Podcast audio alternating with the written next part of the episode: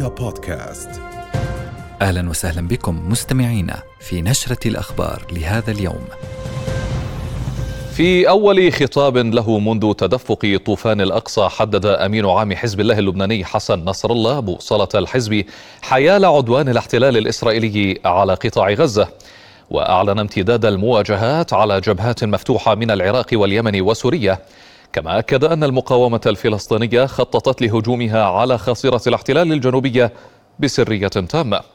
وشدد نصر الله على أن الجبهة اللبنانية هي جبهة للتضامن مع غزة وتتطور وتتحرك تباعا للتطورات هناك مضيفا أن سلوك العدو إزاء لبنان هو محدد لآخر التحركات في الجبهة.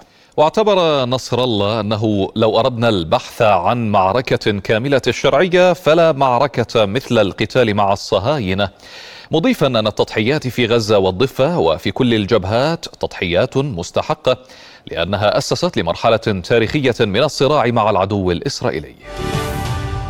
هذا ولم يهدأ جنوب لبنان ليلا نهارا امتدادا للتصعيد المتواصل منذ ثلاثة أسابيع وشهدت المنطقة قبل خطاب نصر الله وبعده هجمات لحزب الله ضد مواقع الاحتلال مقابل قصف إسرائيلي شرس على نطاق واسع على قرى وبلدات جنوبية وسط تحليق للطيران الاستطلاعي فوق قرى القطاعين الغربي والأوسط. وأقر الاحتلال بإصابة جنديين في هجوم بمسيرة تابعة لحزب الله استهدفت معسكرا للجيش في مزارع الشبعة. وأعلن تأهبه على الحدود الشمالية كما استهدف حزب الله تجمعا لجنود الاحتلال قرب موقع ميتات مقابل بلدة رميش موقعا إصابات مؤكدة وفق إعلانه. في المقابل هاجم الاحتلال خلايا وبنى تحتية تابعة لحزب الله ردا على إطلاق صواريخ من لبنان على الجليل في الشمال المحتل. للوقوف على آخر التطورات تنضم إلينا من جنوب لبنان مراسلة رؤيا مريم طهماز. أهلا بك مريم ما صدى كلمة حسن نصر الله آه، على لبنان وعلى الجنوب تحديداً؟ خلينا نبدأ بالقول إنه هذه آه، الكلمة التي آه، آه، كانت اليوم عم يلقيها الأمين العام لحزب الله حسن نصر الله كانت كلمة ذات صدى واسع وكبير ليس فقط على مستوى لبنان إنما في العالم العربي وكذلك في الدول الأجنبية وخصوصا دعنا نتوقف عند وسائل الإعلام والقنوات الإسرائيلية أيضا. فهذه القنوات والمؤسسات المؤسسات الإعلامية كانت أيضا تنتظر خطاب الأمين العام لحزب الله منذ آه، بداية الأحداث في الجنوب اللبناني. آه، يعني آه، فينا نقول من 8 أكتوبر إلى حد هذا اليوم. كان يدير هذه المعركة صمت الأمين العام لحزب الله بشكل أو بآخر. آه، يعني هذا يعتبر كان جزء من إدارة هذه المعركة يعمد إليها أمين عام حزب الله حسن نصر الله. آه، في الجنوب اللبناني كان في عنا عدة تطورات خصوصا في الساعة الأخيرة كان في عنا قصف مدفعي طال القطاع الشرقي من الجنوب اللبناني. في عنا محيط بلدة الناقوره وأيضا محيط بلدة بلدة اللبونة وأيضا محيط بلدة عيتا الشعب وكذلك منطقة واقعة في آه، محيط بلدة عيتا الشعب وبلدة رامية هذه يعني كانت آه، منذ ساعة قليلة يعني ما لبث آه، أن أصبحت يعني هذه أو أصبح هذا الخبر في متناول وسائل الإعلام حتى رد حزب الله بقصف قبل قليل أو إطلاق صاروخ قبل قليل مضاد للدروع من لبنان إلى موقع المنارة في الشمال الفلسطيني المحتل. يعني خلينا نقول إنه هذه الأخبار هي نعم. هي كانت الأخبار المستجدة في الجنوب اللبناني، خلينا نقول إنه هذه الأخبار يلي كانت آه، منذ قليل آه، بعد خطاب الأمين العام لحزب الله، كنا قد توقعنا أن هذه قد تكون رسالة مهمة يرسلها العدو، خصوصا إنه آه، يعني كانت كان هذا القصف على المناطق اللبنانية مبادرة من الكيان أو الكيان الإسرائيلي على الجنوب اللبناني بعد خطاب الأمين العام يعني دغري بشكل سريع جدا. في كمان كان منذ الصباح الباكر هنالك قصف مدفعي أيضا طال القطاع الشرقي في منطقة طير حرفة الجبين النقورة علمة الشعب عيت الشعب وأيضا بلدة رامية. كان في تحليق أيضا آه، كثيف لطائرات التجسس المعادية. هكذا كان المشهد اللبناني منذ الصباح حتى هذه الساعة. كان خطاب الأمين العام لحزب الله هو سيد الموقف. نعم. يعني كان منذ ثلاثة أسابيع وأكثر من ثلاثة أسابيع حتى هذه الساعة. الجميع كان بانتظار الأمين العام لحزب الله. لحتى نشوف كيف آه، سيتم جيد. آه، التعامل مع الموقف اللبناني. حتى نعرف تفاصيل أكثر عن الموقف يعني اللبناني. بحسب الاطلاع على آخر التحليلات من قبل بعض المحللين والصحافة بصورة عامة. ما هو المتوقع آه، طبعا من قبل هذه الصحافة والمحللين خلال الأيام القادمة على الجبهة الجنوبية وبالأخص بعد هذا الخطاب؟ الذي آه، صدر من حسن نصر الله الأمين العام لحزب الله. خلينا نقول إنه آه، كان واضح جدا في آه، خطابه. يعني شدد على أن كل ما يحدث في الجنوب اللبناني يرتبط ارتباطا وثيقا في بما يحدث في غزة. هكذا كان الموقف من حزب الله تجاه ما يحدث في غزة تجاه ما يحدث يعني حاليا في المجتمع الفلسطيني. إذا كل الأنظار تتجه نحو الجنوب اللبناني سيما أن آه، كان يعني كان بصريح العبارة الجنوب اللبناني يعتمد على غزة يعتمد على أحداث غزة على التصعيد. يعني هو قال أيضا إنه يعتمد على أمرين. الأمر الأول هو ما يحدث ما يحدث ما يحدث حقيقة في غزة بالإضافة إلى ما يحدث في الجنوب اللبناني. يعني تمادي العدو الإسرائيلي آه، أو تخطيه بعض الحدود آه، يلي من شأنها أن تشعل المنطقة قد يؤثر على التصعيد يلي قد نترقبه أو لازلنا نترقبه في هذه الساعات أو الأيام المقبلة، في تواجد لوسائل الإعلام بشكل كبير جدا هنا في الجنوب اللبناني، آه، الجنوب اللبناني يعتبر محط أنظار حاليا في الوقت الحالي بالتحديد خصوصا بعد خطاب الأمين العام لحزب الله، هذا كان من شكل من شأنه إنه يشكل نقطة فاصلة نعم. بالنسبة آه، لمستقبل لبنان، بالنسبة لكل التهديدات، هو ما نفى فعليا أن الحرب حرب واقعة في لبنان بل أكد على أنه لبنان دخل رسميا مرحلة الحرب ولكن في الجنوب. أما آه، آه، آه، تطور تطور هذه الحرب لتكون حربا شاملة كله يعتمد على المجريات والأحداث القادمة أيضا. طيب مريم ماذا عن موجة النزوح من الجنوب اللبناني؟ وهل هناك هل لديك معلومات حول هذا الموضوع أو أعداد واضحة عن اللبنانيين الذين نزحوا من الجنوب خوفا من الحرب أو توسع دائرتها؟ خليني أشير إلى أنه أكيد في آه، الكثير من آه، اللبنانيين اللي كانوا متواجدين بقراهم وبلداتهم الحدودية نزحوا من الجنوب اللبناني إلى آه، بيروت أو إلى المناطق الساحلية يلي هي تعتبر مناطق آمنة. إنما يتواجد كثير أيضا يعني في عنا في الجانب الآخر تواجد أيضا. ما في يقول أنه بشكل كبير جدا ولكن يوجد. لبنانيين متواجدين بقراهم متواجدين ببلداتهم. كانت رسالتهم الواضحة أنه هذه قرانا وبلداتنا وبلداتنا التي تقع في الجنوب اللبناني. ولو أنه عم تعاني اليوم من قصف مستمر من قبل العدو الإسرائيلي نحن رح نبقى ببيوتنا رح نبقى في هذه البلدات البلدات اللبنانية. م. كان هذا صراحة يعني موقف آه، آه، شفته أنا آه، مختلف قليلا عما كنا نسمعه في المناطق المحتلة الشمالية في فلسطين المحتله تحديدا. لأنه اليوم مثل ما بنعرف إنه الشمال الفلسطيني المحتل في عنده 43 مستوطنة تم افراغهم آه، نتيجة الحرب أو نتيجة ما يحدث في الشمال الفلسطيني جراء آه، صواريخ المقاومة الإسلامية في لبنان.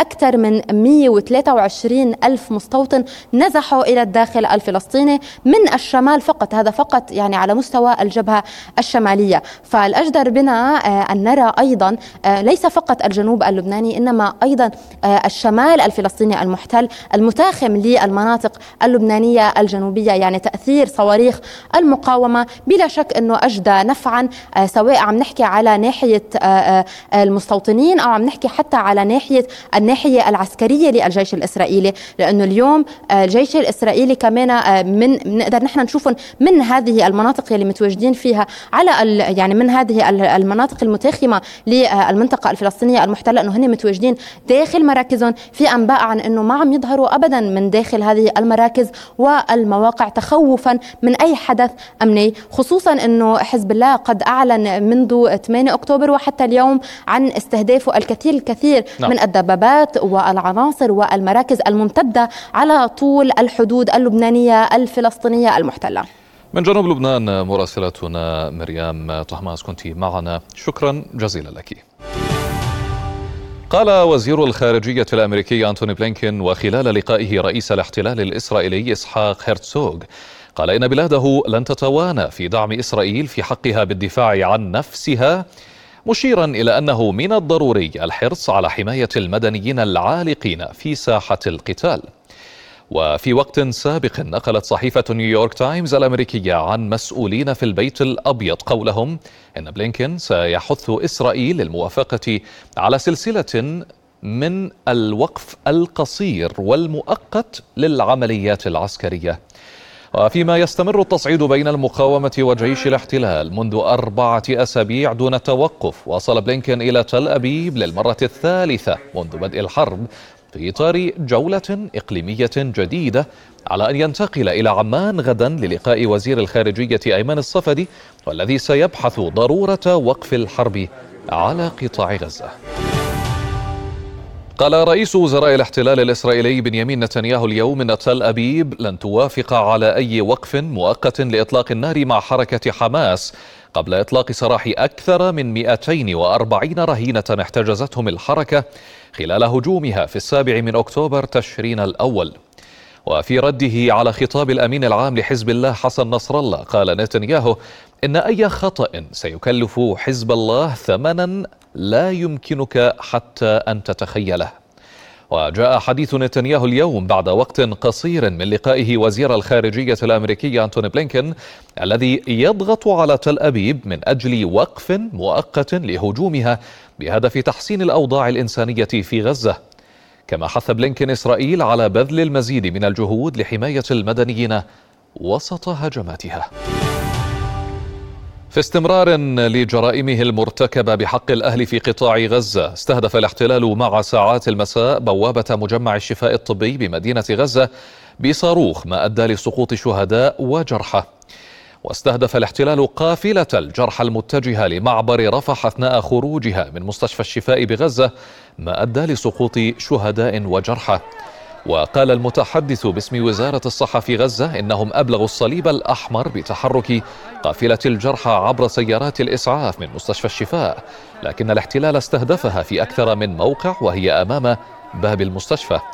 وقال مدير مجمع الشفاء الطبي في قطاع غزة محمد أبو سلمية قال إن ما حدث من استهداف بوابة المجمع جريمة مكتملة الأركان.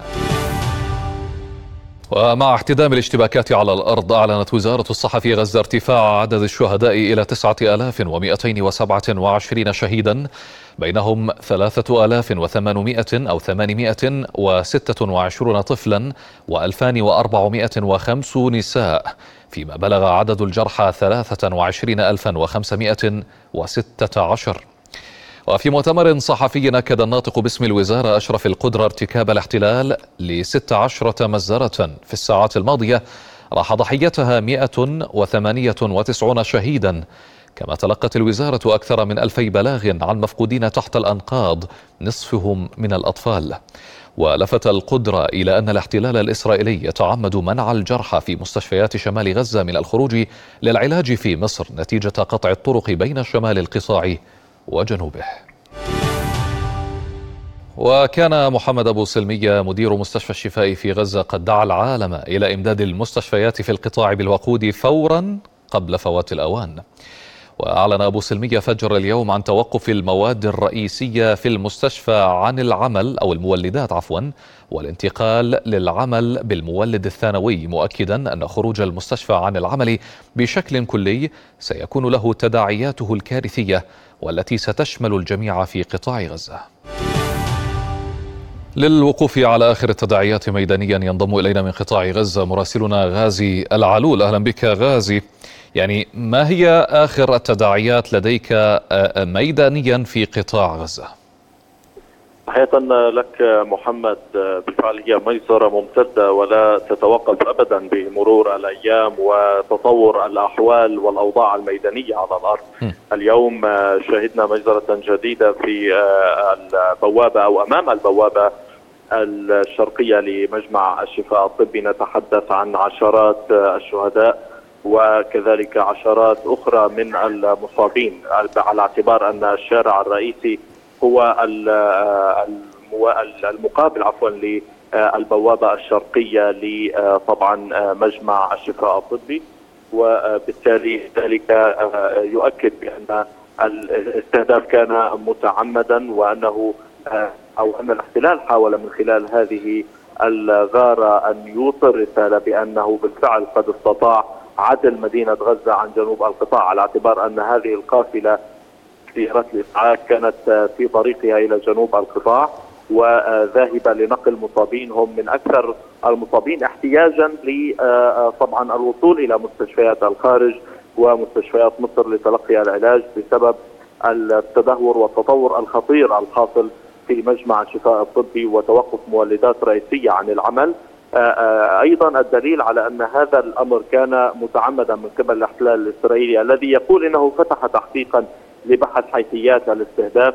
كان في ثلاثة مناطق بالتزامن مع استهداف طبعا البوابة الشرقية لمجمع آه، الشفاء الطبي حيث استهدفت منطقة العباس وكان يتواجد فيها عدد من سيارات الإسعاف وأيضا منطقة أنصار وهي منطقة أخرى كانت قد استهدفت في ذات الوقت الذي استهدفت فيه البوابة الشرقية لمجمع الشفاء الطبي. والثلاثة محاور هذه كانت تسير فيها قافلة سيارات آه، إسعاف آه، طويلة آه، كانت قد طالبت وزارة الصحة الفلسطينية صباحا بمرافقة الصليب الأحمر لهذه القافلة ولكنه رفض. بالتالي الاستهداف كان متعمدا وكانت تحاول طبعا السيارات الإسعاف أخذ زمام المبادرة يعني من الواضح ان أن الاحتلال الإسرائيلي غازي يركز على سيارات الإسعاف وعلى المستشفيات في محاولة منه لتعجيل آه، آه، انتهاء عمل الكوادر الطبية والمستشفيات بصورة عامة. ذلك يبدو واضحا محمد بالنظر إلى أن مجمع الشفاء الطبي كان حديث الساعة في آه، أو لدى الاحتلال الإسرائيلي وكذلك جيش الاحتلال الذي قال بأن حماس تتخذ من مجمع الشفاء ومستشفيات مركزا رئيسيا لإدارة عملياتها على الأرض وأن وأنها تستخدم هذا المجمع للاختباء والاختفاء في أثناء الحرب. آه، آه، بالتالي هو آه، معني جدا بالضرر بالمنظومة الصحية في مجمع الشفاء الطبي وإخلائها سواء وأيضا كان هناك فتوى من أحد الحاخامات عفوا فيما يتعلق بقضية قصف المستشفيات وقد أباح لهم ذلك.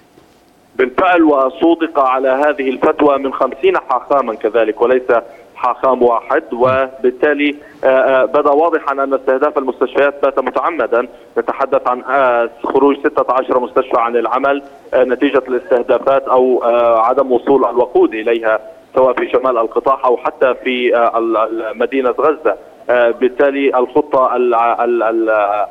خطة الاحتلال الإسرائيلي تسير في مسارين، المسار الأول هو تكثيف النيران من سلاح الجو على محيط المستشفيات كما شاهدنا خلال الأيام الماضية وأيضا اليوم في محيط مستشفى القدس وأيضا على الأرض الوصول وتضييق الخناق على مدينة غزة آه، وصولا إلى المستشفيات وذلك وفق تحليلات وقراءات آه، إسرائيلية عديدة يريد الاحتلال الوصول إلى هذه المجامع الطبية وتفتيشها أو يعني البحث فيها على اعتقاده المسبق بأنه آه، بأن هذه المستشفيات يتواجد آه، آه، تحتها العديد من المعلومات الاستخباراتية أو عديد من القادة التابعين لحماس الذين يحاولون الاختباء كما يدعي الاحتلال الإسرائيلي، بالتالي العملية باتت واضحة من قبل الاحتلال واستهداف المستشفيات دون خطوط حمراء هو الأسلوب الذي تتبعه الاسرائيلي أيضا آه، آه، هناك محاولة بالفعل لعزل مدينة غزة عن آه، جنوب القطاع. بالنظر إلى الاستهداف المستمر سواء على الطريق الشرقي صالح أو حتى على الطريق الغربي شارع الرشيد وهو طريق البحر الذي كان لآخر لحظة من هذا اليوم يشهد استهدافات عنيفة طالت عشرات السيارات التابعة لمدنيين واستشهدوا جميعا ولم تستطع سيارات الإسعاف الوصول إليهم طيب غازي كيف كيف كانت يعني فيما يتعلق الآن بالميدان وبالمعارك على الميدان كيف هي الأوضاع الآن مع الحرب الميدانية على قطاع غزة؟ وأين وصل جيش الاحتلال؟ هل تقدم إلى محاور جديدة؟ هل استطاع السيطرة وإمساك الأرض في أماكن معينة؟ كيف هي الأوضاع؟ يعني هو يتركز محمد في أربعة محاور آه، كنت ذكرتها سابقا وهي المحور الشمالي الشرقي والمحور الشمالي الغربي وكذلك شرق مدينة غزة وغرب مدينة غزة في منطقة تل الهوى وشارع عشرة. هذه الأربعة محاور التي يحاول من خلالها وضع قطاع غزة أو عفوا شمال قطاع غزة ومدينة غزة في كماشة يريد آه، الضغط والوصول إلى أحياء مدنية آه، نعم. في القطاع وفي مدينة غزة. ولكن اليوم شهدنا بالفعل تراجعا لهذه الآليات طيب آخر سؤال لك غازي. يعني كيف رصدت ردود الفعل بعد خطاب الأمين العام لحزب الله حسن نصر الله؟ كيف رصدت ردود الفعل في داخل قطاع غزة؟ يعني الفلسطينيون محمد يعولون على أنفسهم أكثر من غيره. ينتظرون أبو عبيدة أكثر من غيره وهذا بات واضحا في هذه الحرب. بالتالي بات واضحا أن الفلسطينيين يخوضون هذه المعركة لوحدهم ولكن هناك متفائلين بأن أطراف أخرى ستدخل بالفعل في هذه الحرب وأن حزب الله بات داخلا في هذه المعركة منذ الثامن من أكتوبر. غازي العلول مراسل رؤيا من غزة كنت معنا شكرا جزيلا لك. أفاد جيش الاحتلال اليوم بمقتل مجندة وجندي خلال المعارك في غزة وارتفاع العدد ل 341 قتيلا معترفا بإصابة أكثر من 260 جنديا خلال المعارك في قطاع غزة. إلى ذلك زعم المتحدث باسم جيش الاحتلال الإسرائيلي دانيال هاجاري أن قواته العسكرية تستمر في محاصرة مدينة غزة وتقتل المسلحين. وادعى هجاري في مؤتمر صحفي اليوم أن قوات جيش الاحتلال عثرت على أسلحة كبيرة من معاقل حماس. كما ادعى أن قوات الجيش استهدفت عدة خلايا تابعة لحزب الله وأن جيش تل أبيب على أهبة الاستعداد في الحدود الشمالية مع لبنان. وأوضح أن 341 جنديا وضابطا قتلوا منذ السابع من تشرين الأول الماضي وهو تاريخ إطلاق المقاومة الفلسطينية لعملية طوفان الأقصى. ولفت إلى أن التركيز ينصب حاليا على ضرب حماس على حد تعبيره وعلى استعادة المحتجزين. كما أعلن الاحتلال إجلاء 260 جنديا جريحا إلى المستشفيات الإسرائيلية. أفرجت سلطات الاحتلال الإسرائيلي عن سبعة آلاف عامل فلسطيني من سكان غزة احتجزتهم مع بدء الحرب في السابع من أكتوبر الماضي. وأكدت مصادر طبية بمدينة رفح وصول جثماني عاملين استشهدا نتيجة تعرضهم للضرب الوحشي أثناء الإفراج عنهما. ووصل العمال إلى حاجز كرم أبو سالم جنوب شرق القطاع قبل أن يسيروا لخمسة كيلومترات قبل الوصول إلى بوابة معبر رفح. وكشف العمال المفرج عنهم عن ظروف إنسانية وصحية سيئة عاشوها خلال الأسابيع الماضية نتيجة تنكيل الاحتلال بهم بالضرب والإهانة وبقلة الطعام والشراب. وكان الاحتلال قرر اعتقال كل العمال الفلسطينيين من سكان قطاع غزة من أماكن عملهم وإقامتهم في الأراضي الفلسطينية المحتلة وفي الضفة الغربية أيضا بعد طوفان الأقصى. وينضم إلينا مباشرة من نابلس مراسلنا حافظ أبو صبرة أهلا بك حافظ. كيف تصف الحالة التضامنية بالمجمل في الأسبوع الرابع من عملية طوفان الأقصى؟ وكيف هي الأوضاع الآن؟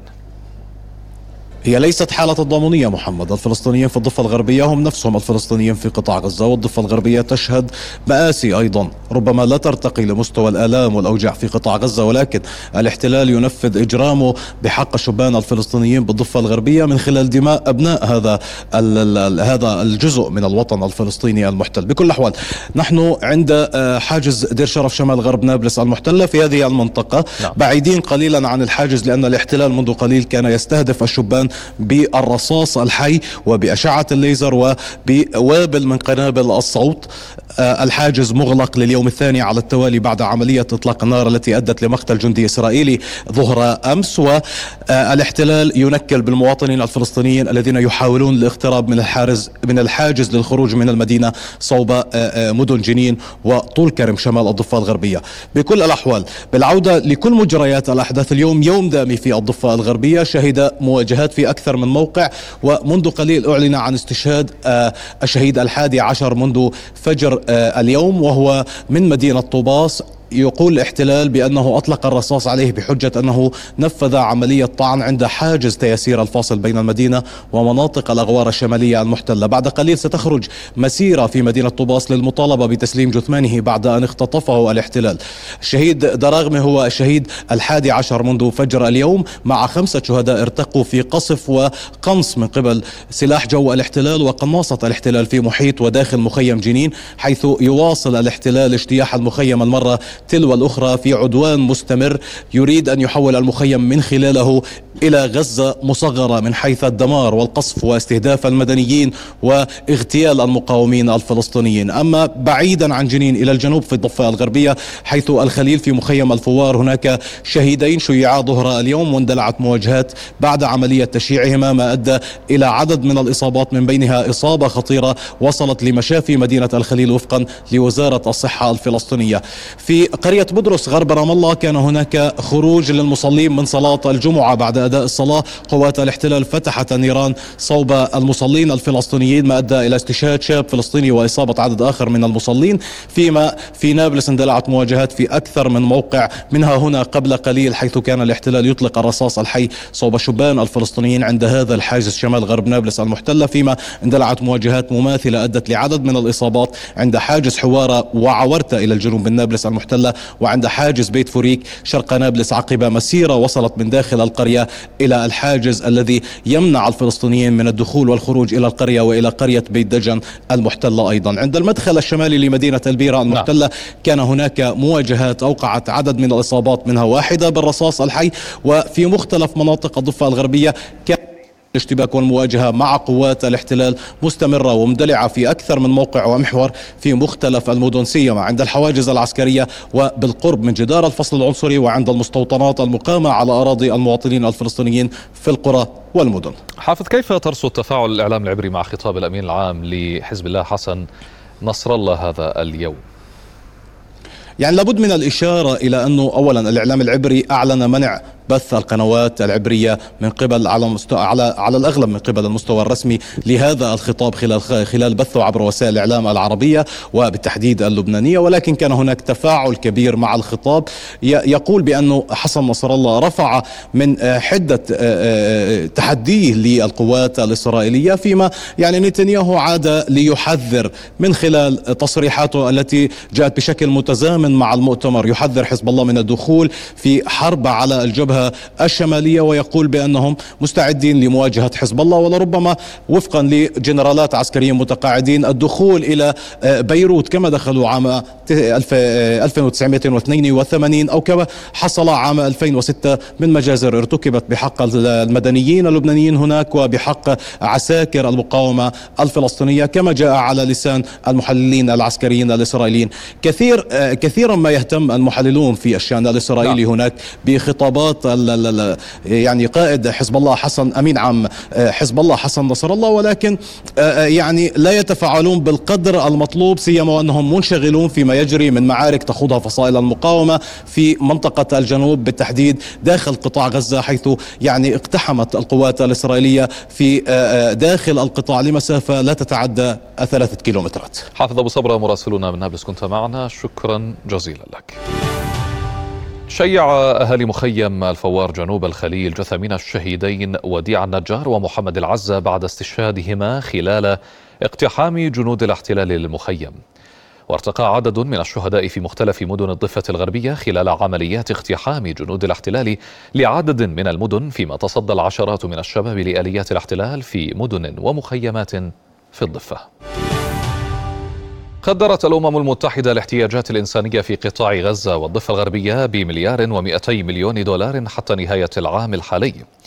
مكتب تنسيق العمليات الإنسانية التابع للأمم المتحدة أوتشا أفاد في بيانه أن النداء لجمع التبرعات الذي أطلق في الثاني عشر من تشرين الأول الماضي غير كاف إطلاقا لتلبية حاجات مليونين وسبعمائة ألف نسمة أي كامل سكان غزة وخمسمائة ألف شخص في الضفة الغربية المحتلة.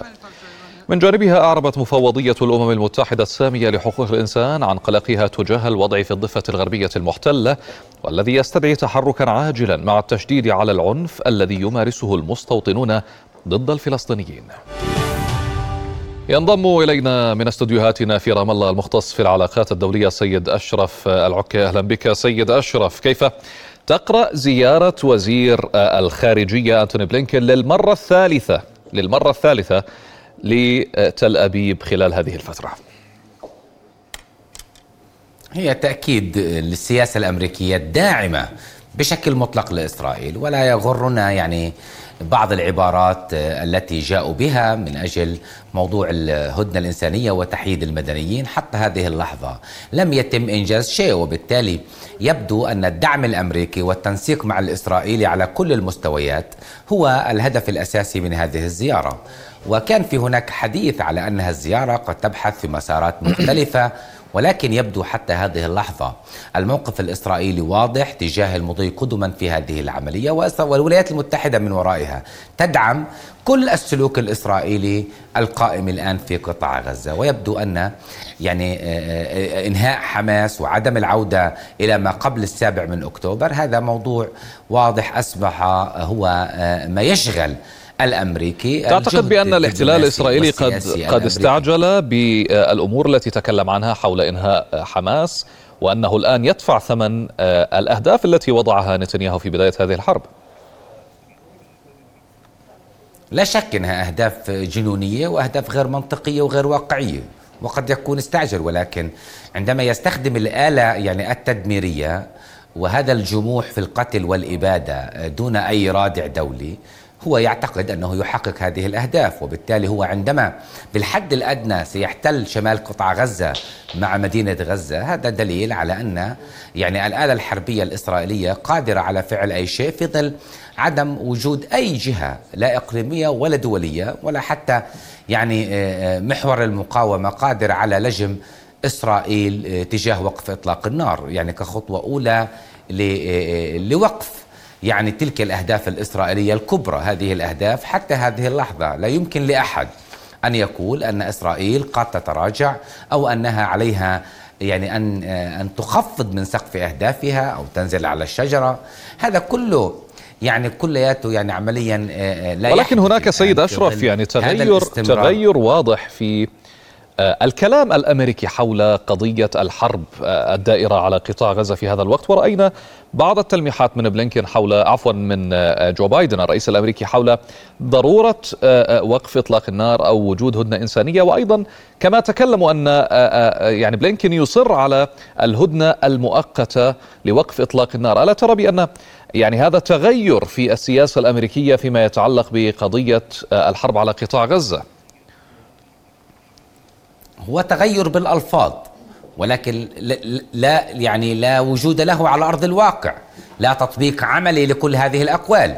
وكل ما يريد هناك ضغط حقيقي الآن في الولايات المتحدة من أجل الرهائن يعني حملة الجنسية الأمريكية ويعني وحملة المزدوجيه الجنسية الذين يرغبون بالخروج من من معبر رفح وغير ذلك. ولكن وهناك أزمة في الخارجية الأمريكية وهناك يعني ملاحظات كثيرة وهناك تراجع لدعم هذه العملية في الولايات المتحدة. كل ذلك كل تلك العوامل لا تؤثر بالضرورة على مجريات الأحداث الميدانية. عندما نلاحظ ولكن الا ترى بأن التغير بالألفاظ أن التغير بالألفاظ يعادل تغير في المواقف حتى لو تأخرت على أرض الواقع يعني.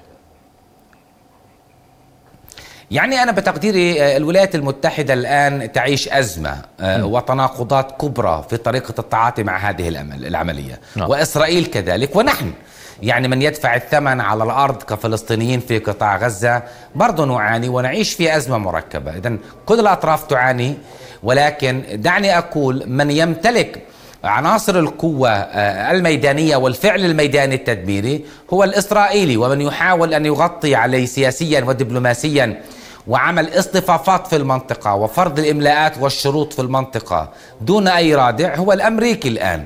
وبالتالي يعني لا يمكن لي يعني أنا كمراقب أن أتحدث عن شيء يتغير في السياسة الأمريكية سوى في اللهجة خاصة أن هناك من يقف في وجه الرواية واللغة الأمريكية كروسيا والصين ومثلا روسيا بشكل واضح أن هذه إسرائيل دولة احتلال لا يحق لها وفق القانون الدولي أن تتحدث بالدفاع عن النفس باعتبارها دولة احتلال.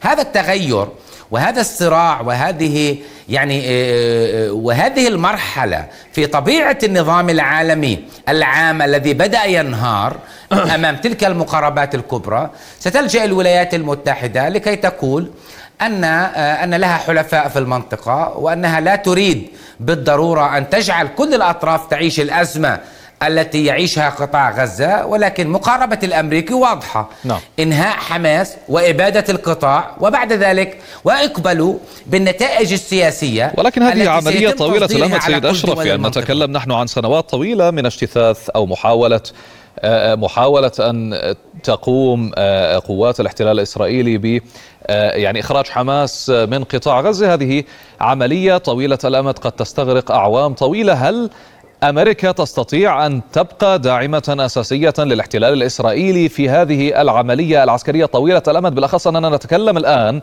عن مصاريف عالية جدا آه، في هذه الحرب.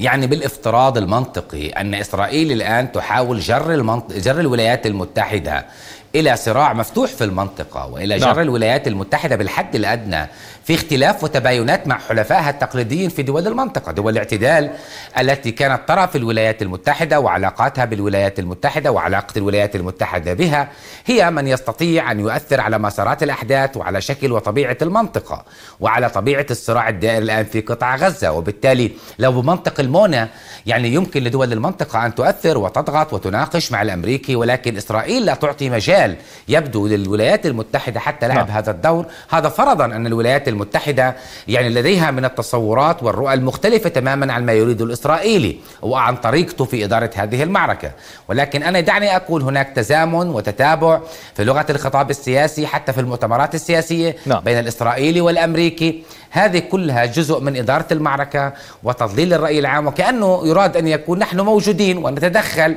ولكن هذا هو حيز الفعل الولايات المتحدة هي الجهة المسؤولة وهذه دلالات دلالات اعتراف قوات الاحتلال الإسرائيلي سيد أشرف بقضية يعني ما يتكبدونه الآن من خسائر في قطاع غزة لذلك يعترفون بذلك حتى يهيئوا الرأي العام لحرب طويلة الأمد؟ نعم هو لتهيئة الرأي العام لمسألتين لحرب طويلة الأمد وتقبل الخسائر باعتبارها حرب وجودية أضف إلى ذلك شكل من أشكال علينا أن نتحمل المسؤولية الجماعية عن نتائج هذه الحرب وعن هذه الخسائر. لكي لا يئن المجتمع وتخرج بعض المظاهرات تعارض استمرار هذه الحرب. وبالتالي هناك إجماع إسرائيلي من المجتمع الإسرائيلي وهناك إعطاء للشرعية للحكومة للجيش الإسرائيلي للمضي قدما بهذه العملية الانتقامية من قطاع غزة. ولكن الثقة الثقة الثقة بالجيش غزة يعني لا نستطيع أن أن نتكلم عن الثقة بالجيش والثقة بنتنياهو. هذان شخصيتان يعني منفصلتان. الجيش عند الشعب الإسرائيلي هو مقدس إلى حد ما ولكن نتنياهو انخفضت شعبيته من 64% إلى تقريبا 24% كما تكلمت إحدى الصحف العبرية في هذا الموضوع هل تعتقد بأن الإسرائيليين وبالأخص فيما يجري الآن من دمار للاقتصاد الداخلي في إسرائيل وفيما يتعلق أيضا بسياسات نتنياهو العنجهية آه، ويمين المتطرف أن يبقى آه، نتنياهو هو الذي يقوم بإدارة هذه الحرب طويلة الأمد؟ يعني هذا له علاقة بالعمليات الداخلية في إسرائيل وبالتالي بغض النظر عن طبيعة الخلاف وعدم الثقة بنتنياهو وتحميليته مسؤولية الفشل. وخلصوا منه أو ما خلصوا منه. ما هو طبيعة يعني سواء كان يعني آه، حكومة بنتنياهو أو بدون نتنياهو. هذا لا يؤثر بالضرورة على صيرورة العملية وعلى أهداف العملية. م.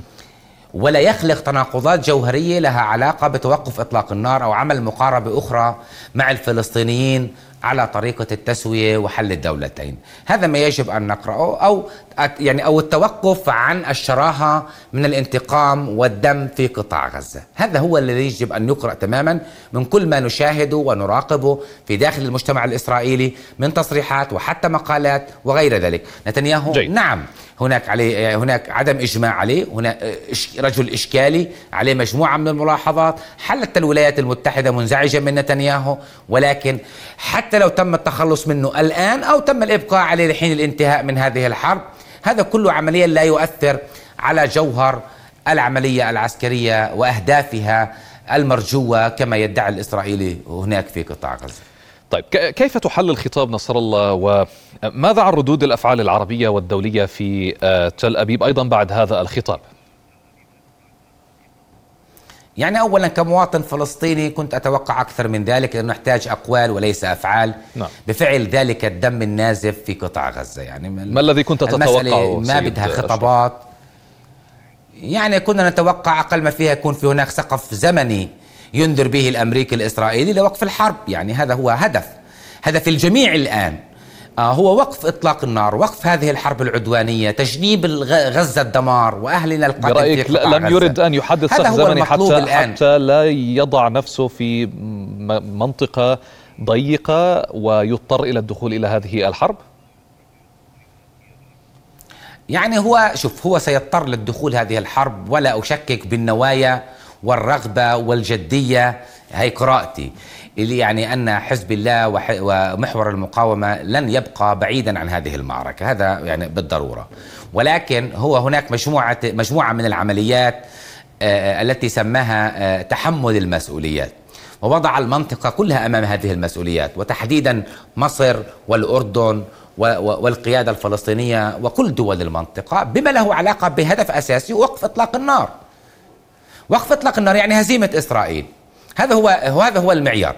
وبالتالي لكن هو حدد أن لن تترك حماس ولا المقاومة في قطاع غزة تهزم أو تترك لوحدها. وهذا يتحدد بطبيعة العملية العسكرية الجارية وطبيعة إذا دخول يعني حزب الله أستطيع أن أفهم من كلامك أن دخول حزب الله إلى هذه المعركة يشترط باجتثاث حماس من قطاع غزة أو محاولة القضاء عليها. هذا ما تريد أن تقوله سيد أشرف.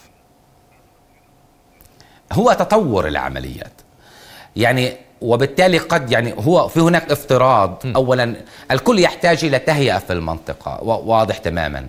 وخاصة حلف المقاومة ومجتمعه. يعني لبنان يعاني من وضع داخلي آه، آه، يعقد اتخاذ قرار من حزب الله بالدخول إلى هذه الحرب لأنه نعلم طبيعة ردة الفعل الإسرائيلية الأمريكية بتدمير لبنان. وهذا عمليا أصبح معلوما طبيعة الرد الهمجي الأمريكي الإسرائيلي الذي المتوقع.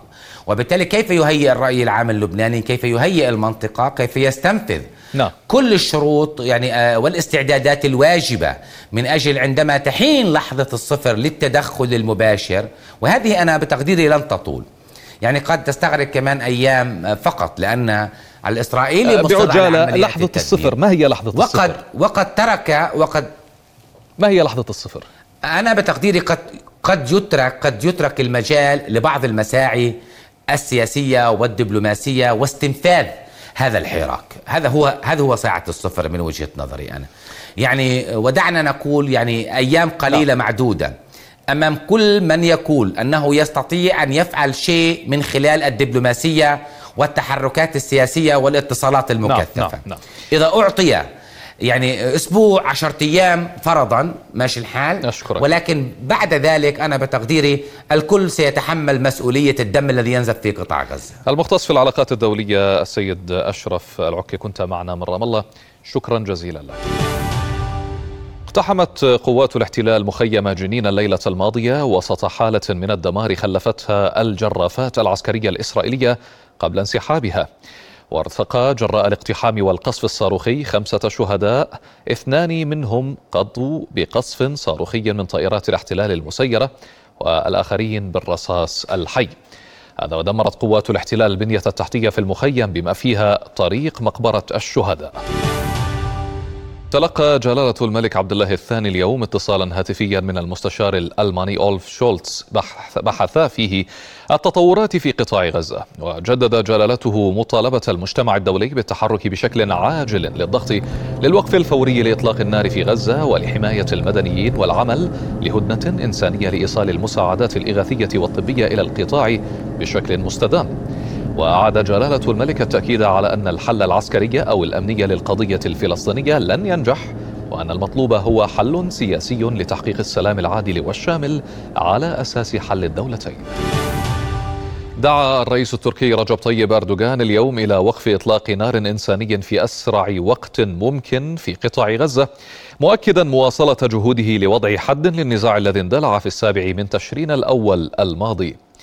وأكد أردوغان خلال القمة العاشرة لقادة الدول الناطقة بالتركية في استانا عاصمة كازاخستان جهود بلاده لتحقيق وقف إنساني لإطلاق النار سريعا.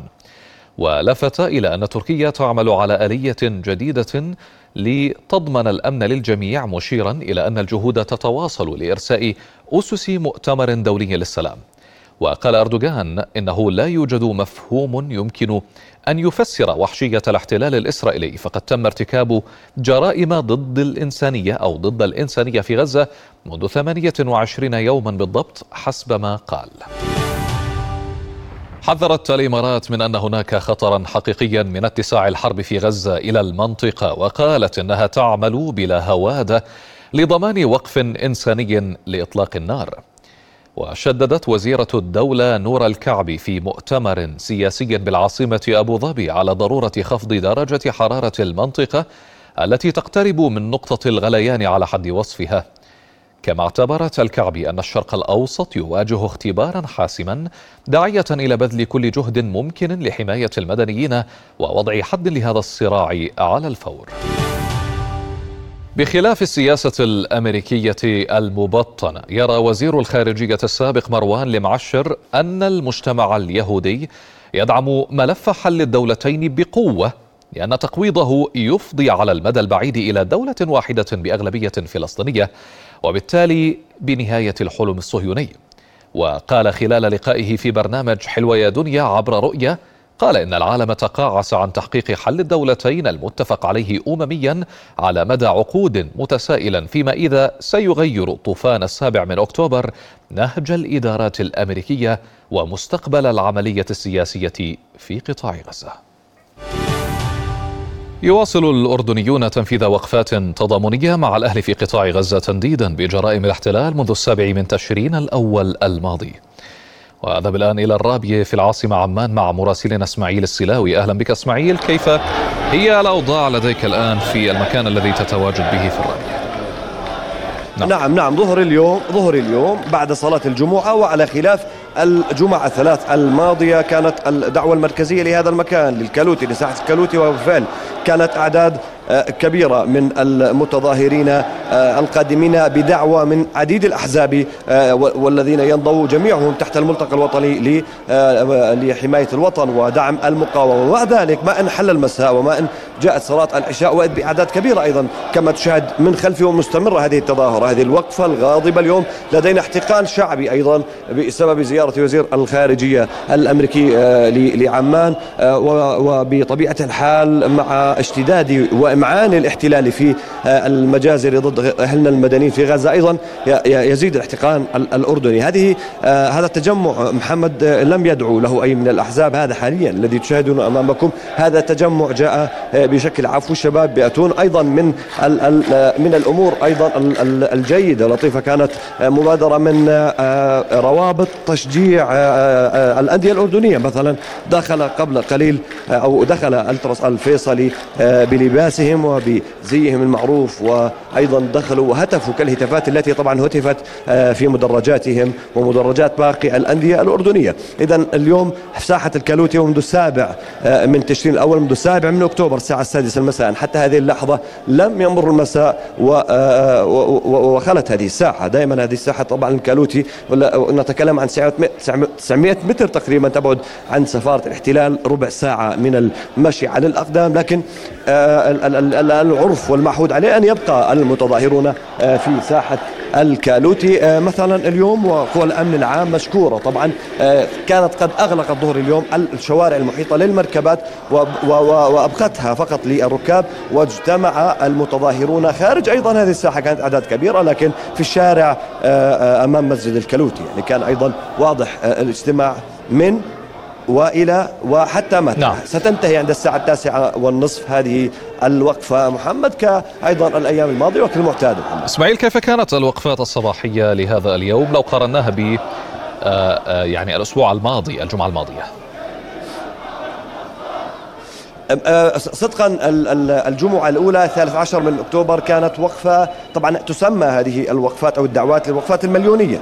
ليس بالضرورة أن يأتي مليون شخص لكنها مليونية يعني كناية على على على الأعداد الكبيرة. الجمعة الأولى يعني أنا والعديد من الزملاء كنا نعتلي الأسطح في وسط البلد. لم نستطع أن نقدر يعني كانت أعداد هائلة وانتشرت الصور في كل مكان. الجمعة أيضا الثانية أيضا كانت أعداد كبيرة في وسط البلد لكنها أقل إلى حد ما. الجمعة الثالثة الأسبوع الماضي أيضا في وسط البلد آه، وكانت أعداد تقريبا كالجمعة الثانية. آه، يعني لا نستطيع أن نقارن اليوم باليوم الأول آه، لعديد من الأسباب لكنها جيدة. وأيضا كان اليوم بتزامن مع هذه الدعوة. هناك أحزاب معينة دعت لوسط البلد. نعم. أيضا كانت هناك أعداد جيدة في وسط البلد. لكن ننوه سريعا محمد في أقل من دقيقة أنه دائما المنظمون يسعون لأن تبقى هذه الوقفات حتى وإن كانت صغيرة ومتفرقة في أكثر من مكان. يوم أمس كان في سبع سبع ثمان فعاليات في عمان بعد العشاء لا في عمان لوحدها.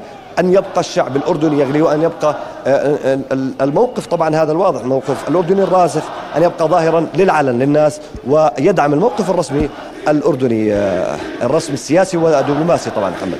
إسماعيل السلاوي مراسلنا من الرابي كنت معنا شكرا جزيلا لك. نظم الملتقى الوطني لدعم المقاومة في الزرقاء وممثلو الفعاليات الشعبية مسيرة نصرة لأهل غزة وفلسطين. إذ عبر المشاركون في المسيرة عن استنكارهم للعدوان الصهيوني على غزة ولدعمهم لأشقائهم الفلسطينيين مؤكدين على التضحيات التي تقوم بها المقاومة الفلسطينية دفاعا عن المسجد الأقصى المبارك. وأكد المشاركون على أن وحدة الدم والمصير هي التي تجمع الشعبين الأردني والفلسطيني لينال الفلسطينيون حقهم المشروع بإقامة دولتهم على أرضهم. كما أشار عدد من المشاركين إلى أن محاولات الكيان الصهيوني في تهجير سكان غزة ما هي إلا سلوك فاشل يهدف إلى تطهير الأرض من سكانها.